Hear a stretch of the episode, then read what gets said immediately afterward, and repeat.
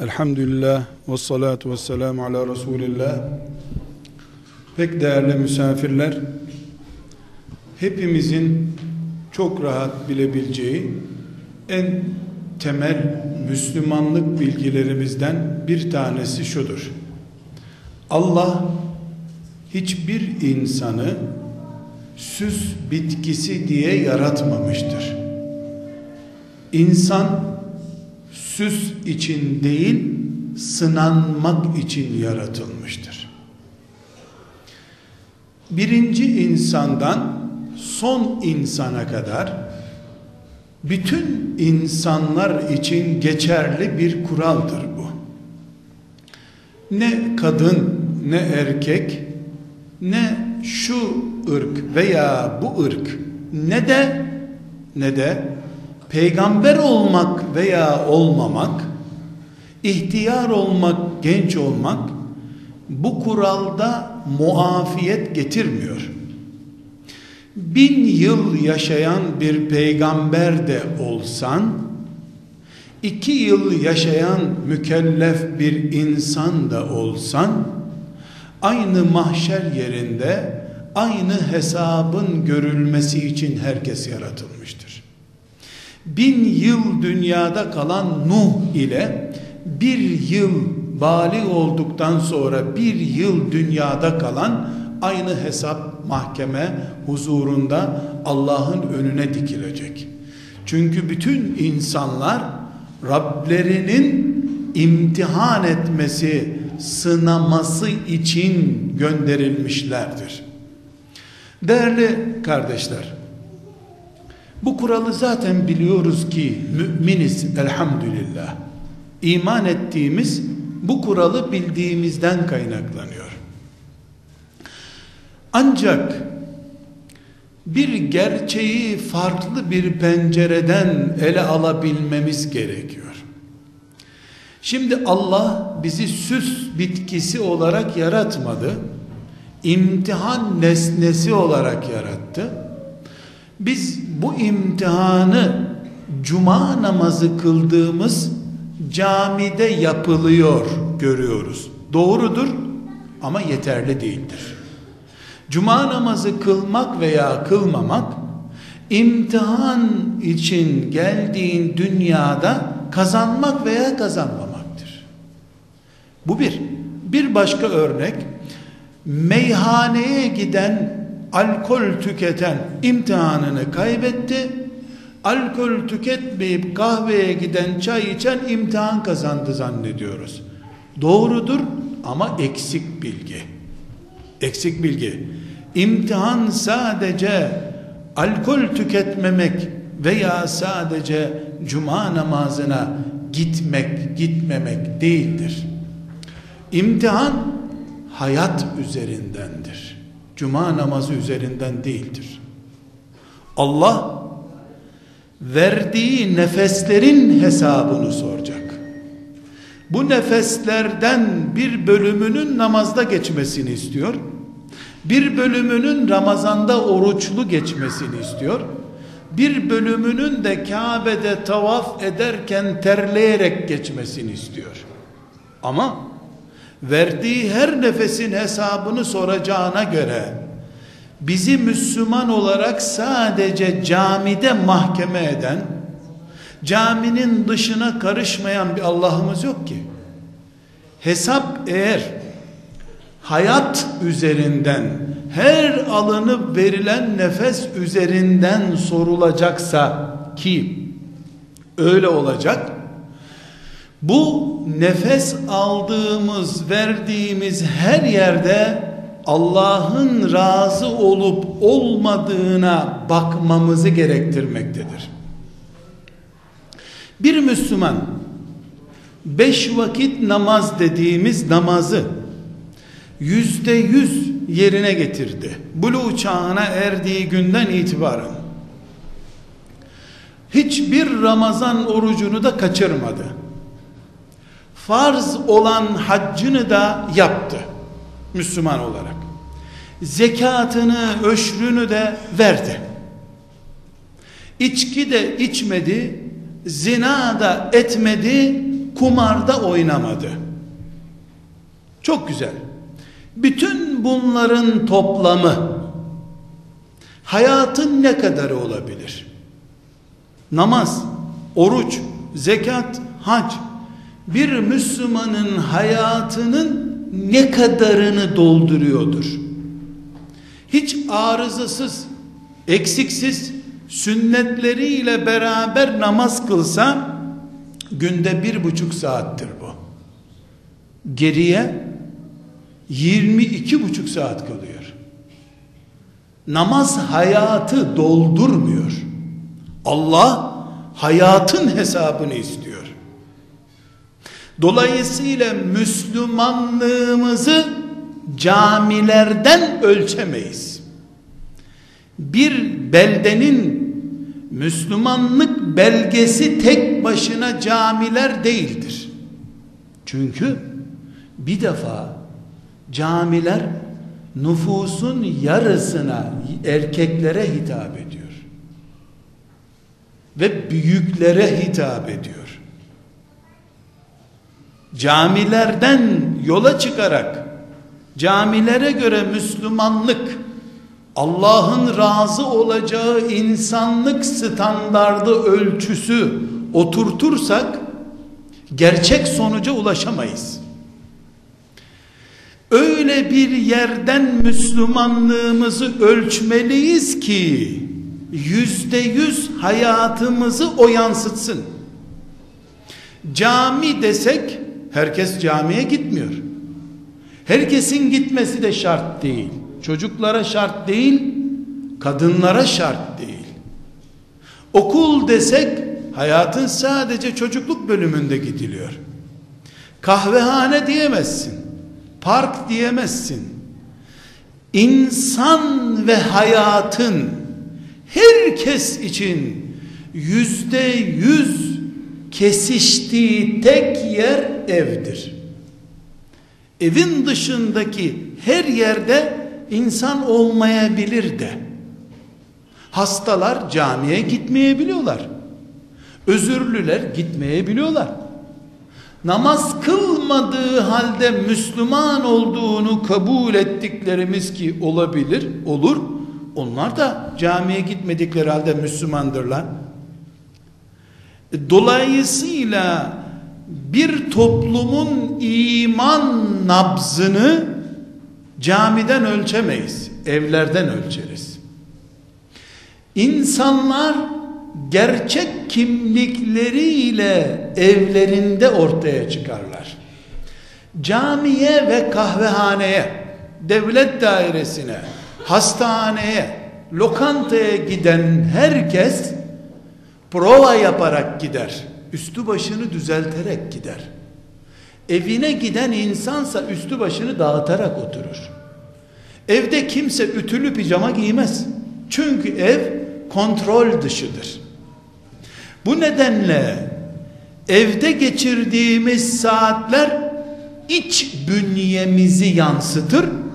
Okulda, hastanede, belediyede, bir düğünde, bir konferansta, okulda geçirdiğimiz saatler protokolümüzü yansıtır bizim.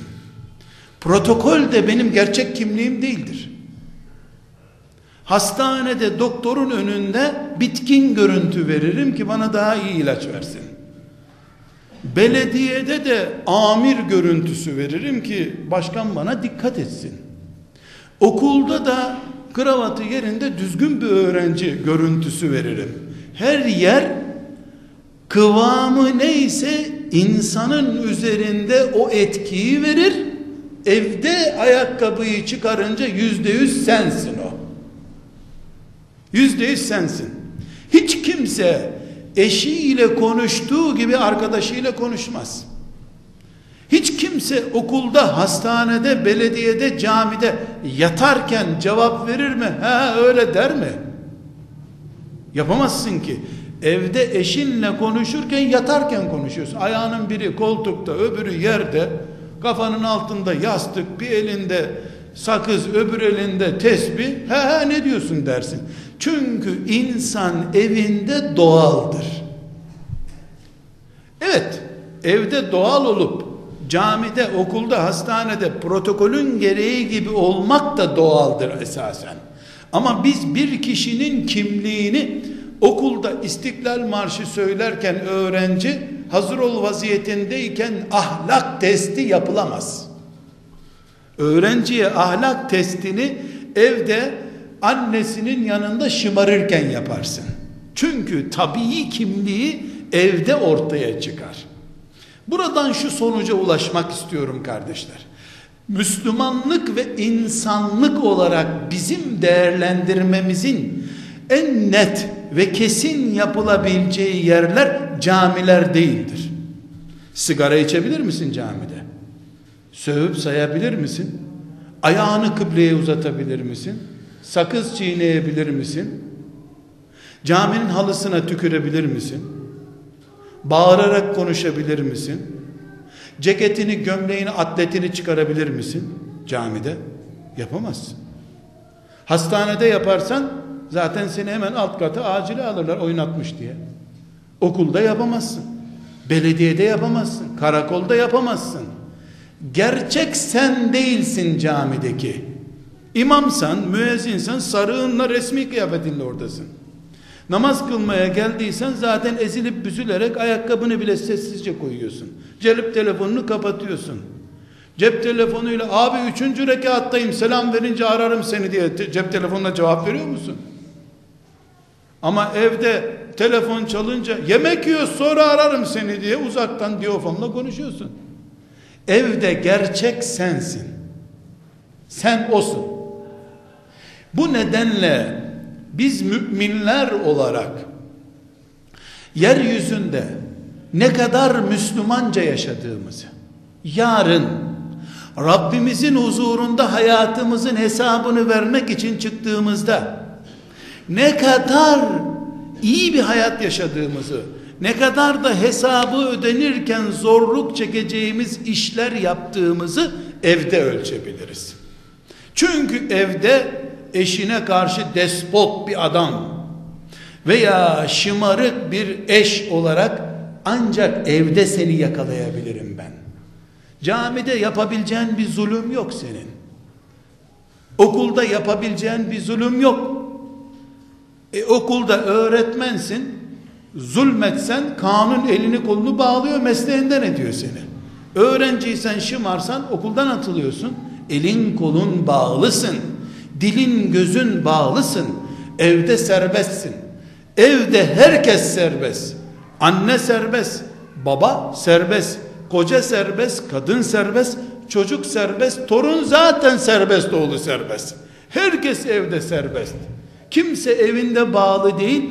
Bu nedenle kız bakmaya gidiyorsan oğluna onu okuldaki Kur'an kursundaki kıyafetiyle bakma. Evde annesinin yanında çamaşır yıkarken, bulaşık yıkarken gerçek bir kız görsen. Evlerinde en rahat zamanlarında senin böyle üç gün önce geleceğini bilmeyecekleri bir zamanda çat kapı gir içeri gerçek çocuğu gör. Gerçek hizmetçiyi gör. Gerçek vefalıyı veya vefasızı gör. Evlerimiz bizim tam tahlil sonuçlarımızdır. Ama bu tahlil sonuçlarıyla neyi kastediyorum? Başka yerlerde de bu salonda da birbirimizi tahlil edebiliriz. Bu neye benziyor biliyor musunuz? Lokantada kebap yiyorsun, baklavaları da yiyorsun. 10 dakika sonra da doktora gidiyorsun. Bir şeker tahlili yapsana bana doktor bey. Bir de tansiyonumu ölç diyorsun. Ne ne sonuç çıkacak ki bundan? Onun için ne diyorlar? Akşamdan sen yat, hiçbir şey yeme, 10 saat sonra gel bize diyorlar. Senin gerçek tahlilini yapalım. Kardeşler, kanun olarak şunu söylemek istiyorum. Biz evlerimizin adamları ve kadınlarıyız. Camilerin adamları değiliz. Bu ümmet ilk yola çıkarken de cami ile yola çıkmadı. 13 sene Kabe'nin dibinde Kabe'siz kaldılar. Ama evleri vardı. Darul Erkam ne demek? Erkam'ın evi demek. Bu ümmet Erkam'ın evinde temelleri atılmış bir ümmettir. Kabe'nin dibinde değil. Evlerden ümmet kurulur. Musa aleyhisselam da Allahu Teala'ya bu zalim Firavun bize nefes aldırtmıyor deyince Kur'an'dan öğreniyoruz.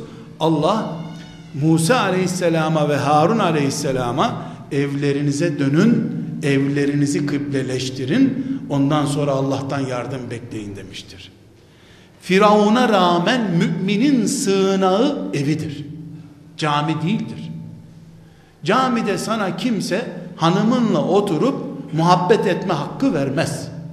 Allah hanımınla muhabbet etmeni istiyor. Evdir orası. Kimsenin hiçbir hanımın eşinin çamaşırını camide ütülemesi mümkün değil herhalde. E vazifesi de bu. O zaman evini kullanacak. Camiler doğumhane değil. Evlerimiz bebek büyütme yerleri. Biz evlerimizin Müslümanlarıyız. Kanun bu. İki. İkinci kanun. Kardeşler, şeytan babamızdan önce yaratıldı. Babamızdan daha tecrübelidir. Babamız Adem'den daha güçlüdür. Daha profesyoneldir. Dolayısıyla şeytan, iblis kimi nerede ağına düşüreceğini çok iyi bilir. Aptal bir terörist değildir şeytan. Kurnaz bir sahtekardır. Dolayısıyla ben bir Müslüman olarak bu dinin Kabe'de değil Darül Erkam'da başladığını bileceğim. İslam'ın tohumunun evlerde atılacağını İmam Hatip liselerinden önce ev okullarımızın olması gerektiğini ben bileceğim de binlerce senedir insanları tuzağına düşürmeye çalışan şeytan bilmeyecek mi? İstediğin kadar imam hatip aç. Her sokağa dört tane beş tane imam hatip aç. Evler şeytanın sultası altında olduktan sonra kimi göndereceksin imam hatiplere? Kim camiye gidecek? Camiye giden Müslümanın kalbi de fitne fesat doluysa, çocuğuna zulüm yaparak, eşine zulüm yaparak Allah'a secde etmeye geldiyse cami ne yapacak ki o zaman? Asıl kale müminler için ahlak ve insanlık gerekiyorsa eğer kale evdir, cami değildir. Çünkü camilerimiz maazallah olmasa bile evlerimizde Rabbimizle baş başa kalırız biz. Ama evlerimiz yoksa camiler bizi barındıramaz. İki gün, üç gün, dördüncü gün nereye gideceksin? Biz şu yatak odaları, oturma odaları, mutfaklarıyla beraber bu evleri konuşuyoruz. Bu ümmet ev ümmetidir. Aile ümmetidir. Camilerimizin minarelerinden önce evlerimizin yatak odaları, mutfakları helal Allah rızasına göre döşenmiş olmalı.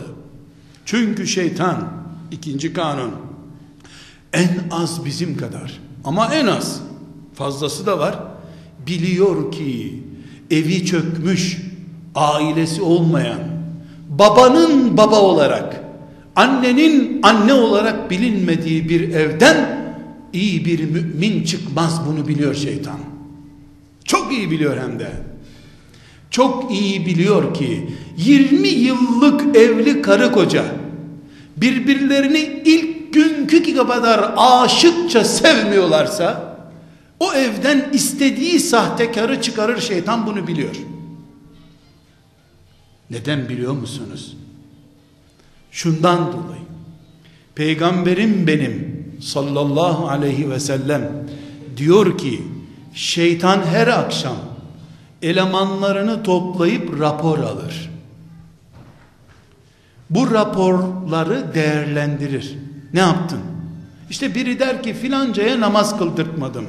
Öbürü der ki filancaya alkol tükettirdim. İşte bir şeyler yaptırmış. Tamam tamam tamam atıştırır.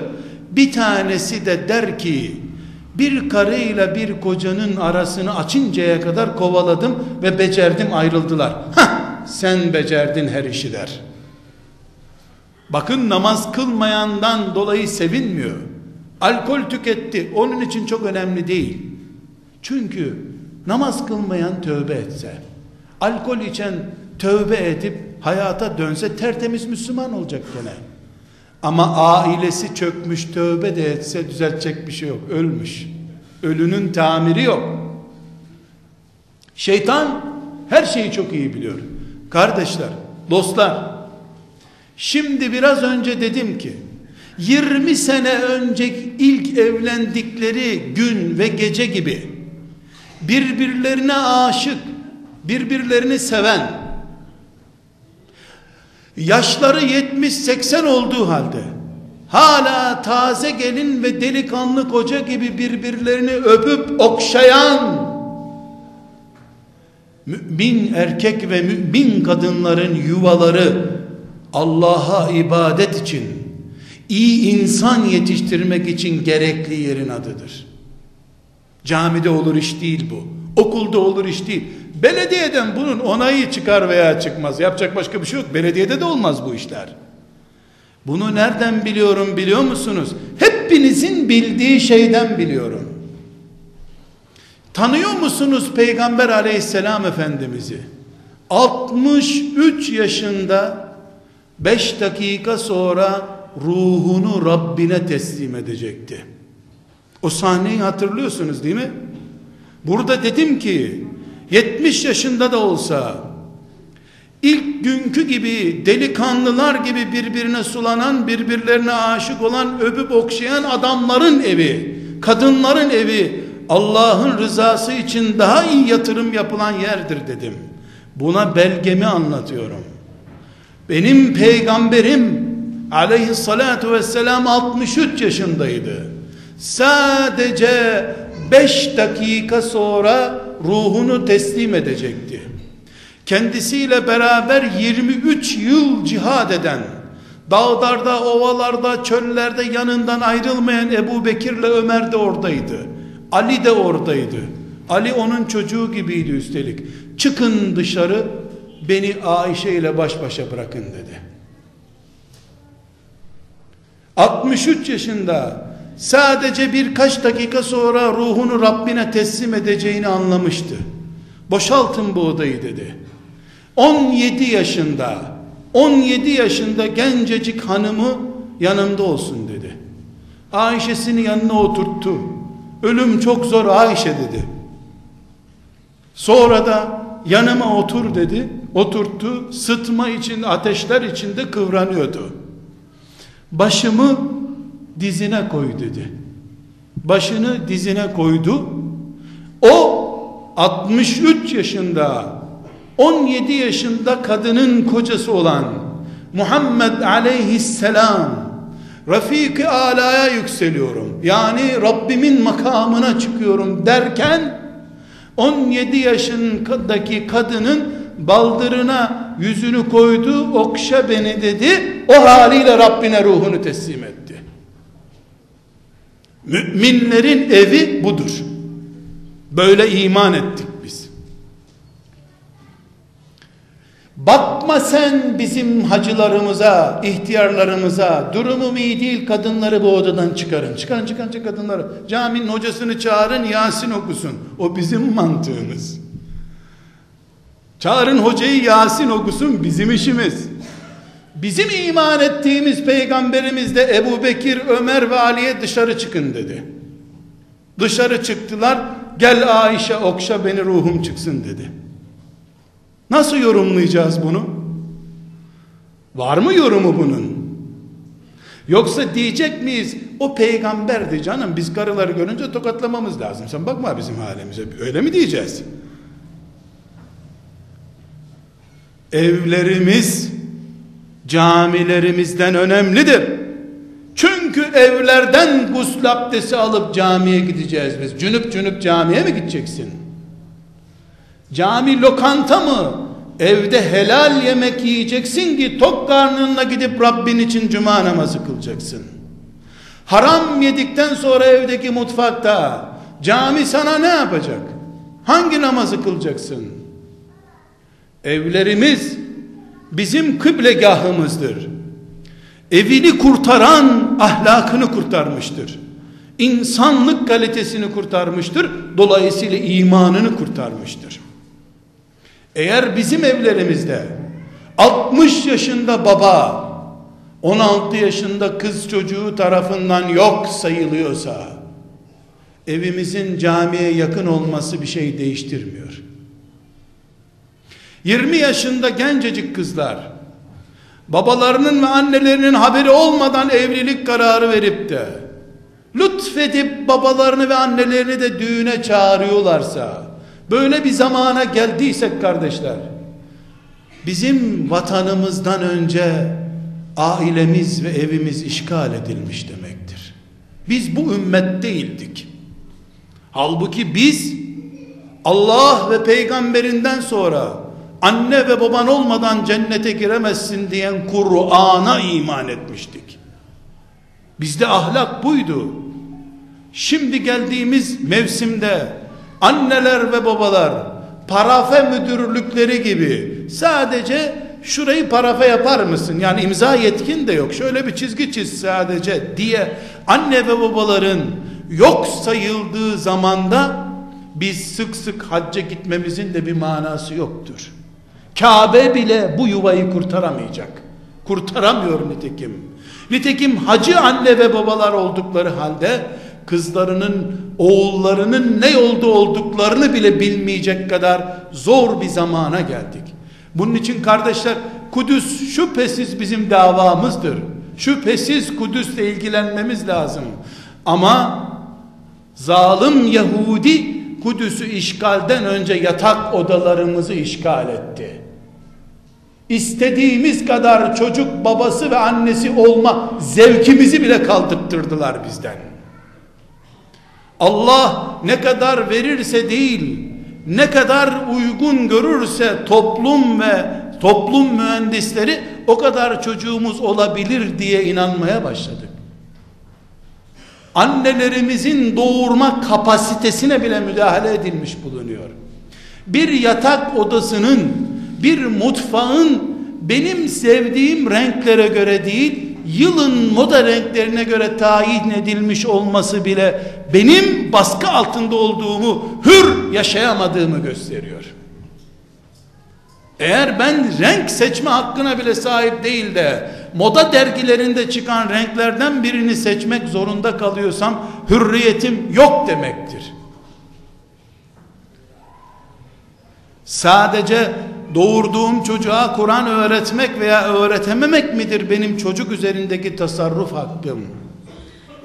Çocuğumu istediğim kıvamda yetiştiremiyorsam, istediğim tesettüre sokamıyorsam, istediğim şekilde saç düzeni bile yapamıyorsam, sadece o hafta televizyonlardaki dizi filmlerdeki artistlerin, zübbelerin saç şekli benim baba olarak, anne olarak irademin üstünde bir güç oluşturuyorsa silahı elinde olmayan güçler beni esir etmişler demektir.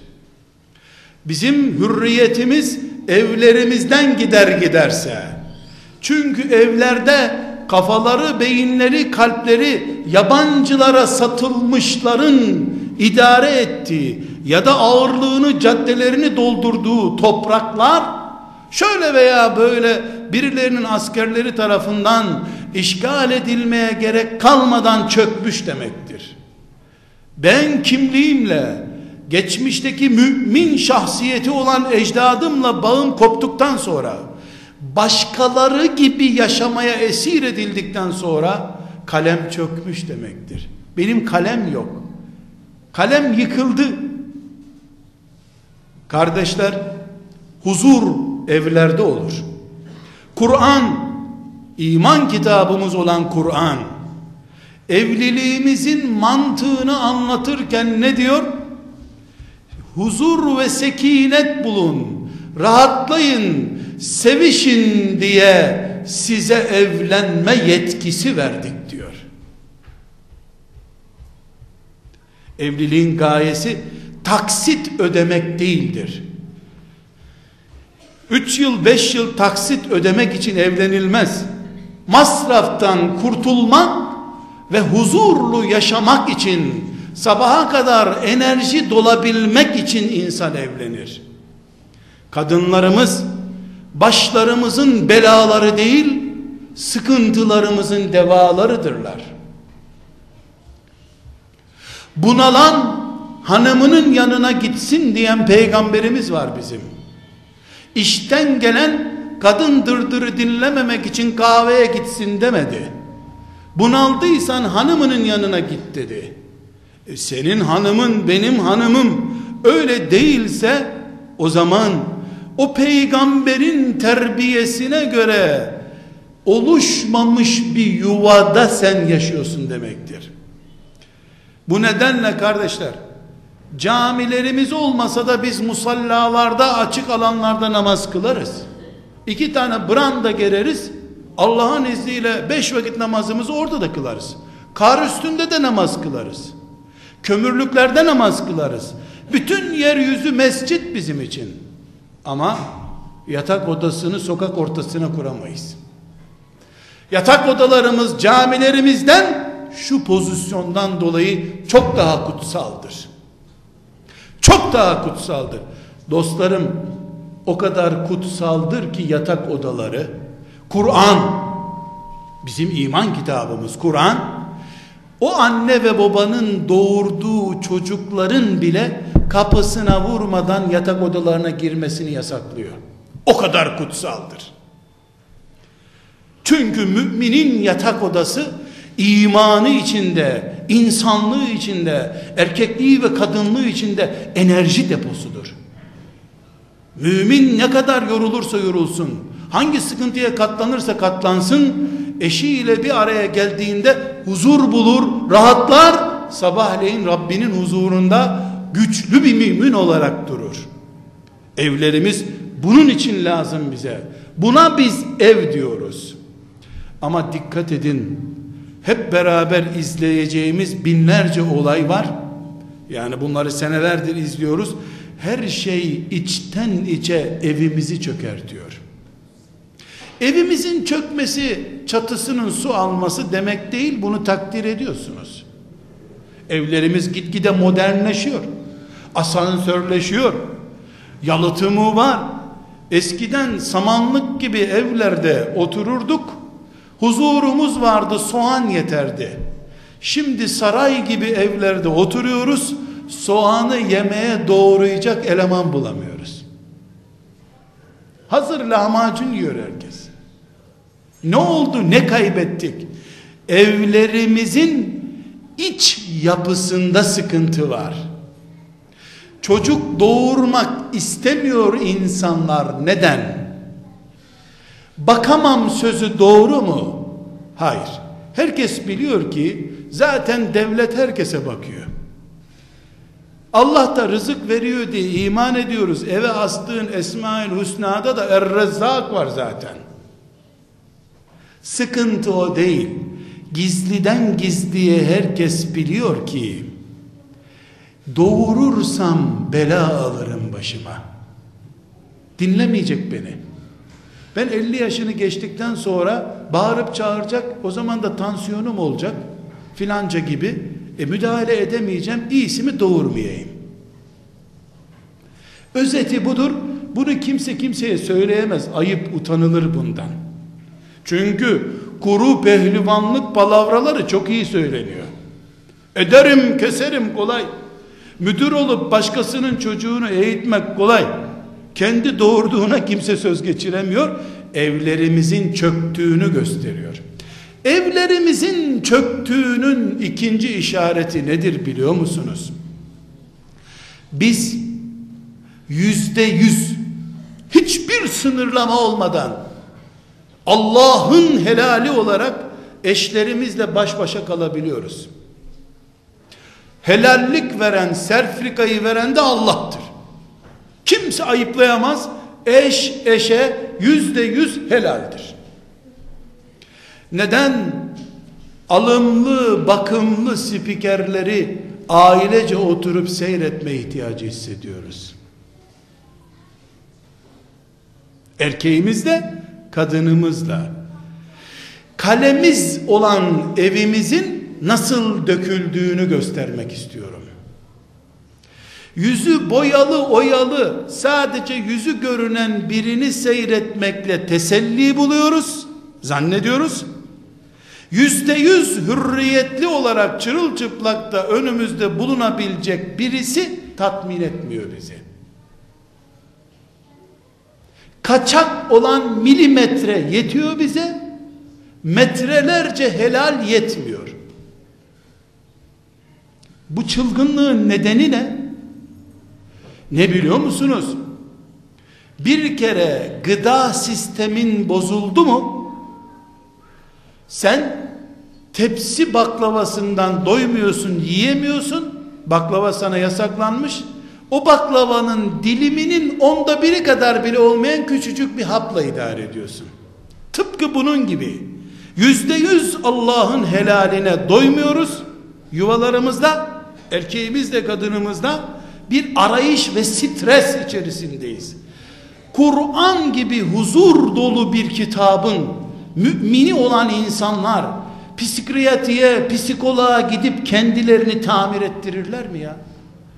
Allah beni zikrederek huzur bulursunuz dediği halde mümin olup namaz kılan, Kur'an okuyan, tesbihi olan, tarikatı olan insanlar psikoloğa gidip çıldırıyorum doktor bey çabuk bana bir şeyler öğret der mi? Niye diyor? Çünkü ev sistemimiz çökmüştür. Mekanizmamızda arıza var bizim. Bizi cami paklamaz bir daha. Peki ne yapacağız kardeşler? Bu dertleri zaten biliyoruz. Herkes kalesine sahip çıkacak. İmam hatip kurulmadan önce ev kuralım kendimize. Evlerimiz olsun. Bu evlerimiz evin kocası, kadını ve çocuklarından başka herkese kapalı olacak. Hijyenik evler oluşturacağız. Bizim gibi ahiret düşüncesi olmayan, helal haram ayrımı yapamayan insanlara evlerimizi kapatacağız. Teyzemiz, dayımız, halamız, amcamız, yeğenimiz bile olsa misafir olarak da almayacağız. Nasıl koleraydı filan hastalıktı gripti diye salgın olunca kimse kimseye misafir gitmiyor mikrop kapmayalım diye. Benim yetişmiş kızım ve oğlum var. Benim evime mikrop taşıyacak birisini evime sokamam. 20 senedir oğlumun bana uygun imanıyla yaşayan bir delikanlı olması için uğraşıyorum. Bir saatin onun buluşacağı tek bir saatin o çocuğun bütün geleceğinin helak olması için yeterli olduğunu da çok iyi biliyorum. Sansür uygulayacağız. Kendimizi savaş ortamında hissedeceğiz. Hangi savaş ortamında? Ne dedik? Şeytan neredeki kalemizi çökerteceğini çok iyi biliyor. İyi biliyor ki evi çökmüş Müslümanların camileri istediği kadar büyük olsun. Cuma kıl kılabildiğin kadar. Sen cuma kıl oğlun internetten Vietnam'daki bir kadınla görüşüyor. Sen Kabe'de tavaf ediyorsun. Kızın internette başkasının etrafında dönüyor. İşler iyi. Sen ibadet yap o arada. Bunu şeytan çok iyi biliyor. Hijyenik evlerde yaşayacağız. Tek kalmaya razı olacağız. Eğer oğlumuz, kızımız, evladımız, eşimiz, kocamız ne oluyor biz yalnız kaldık derse hayır yalnız değiliz. Biz Allah ile peygamberiyle beraber olacağımız güne hazırlanıyoruz diyeceğiz. Kardeşler bu sorun Müslümanların sorunu değil sadece. Kafir ülkelerde bile aile gitti. Bizde gitmemeliydi ama. Biz evlerimizi, ailemizi korumalıydık. Biz müminiz. Elhamdülillah. Ama bir miktar gafil davrandık ve evlerimiz sallandı. Allah'ın izniyle tekrar evlerimizi toplayacağız. Gerekiyorsa televizyonsuz, gerekiyorsa internetsiz kontrol edemiyorsak internetsiz evlerimiz olacak. Her türlü evimizdeki hijyenik tedbirleri alacağız ama birikimimizi ve geleceğimizi çarçur etmeyeceğiz. Başka türlü camilere kimse güvenmesin. Camilerden cenaze kaldırılır. Ama insanlar evlerinde yaşarlar. Herkes de yaşadığı gibi ölür. Öldüğü gibi dirilir. Ev bizim gerçek kimliğimizdir. Cami protokol kimliğimizi oluşturuyor. Kardeşler, dostlar, elbette kolay şeyden söz etmiyorum. Çok zor. Ama en başta dedik ki süs bitkisi olarak yaratmadı ki Allah bizi. Sınayacak elbette. Peygamberler bile istedikleri gibi çocuk büyütebildiler mi? Her peygamberin çocuğu kendisi gibi oldu mu? Çok dua ettiler diye Allah onların çocuklarını peygamber çocukluğuna uygun şekilde mi yarattı? Onlar da imtihan oldular.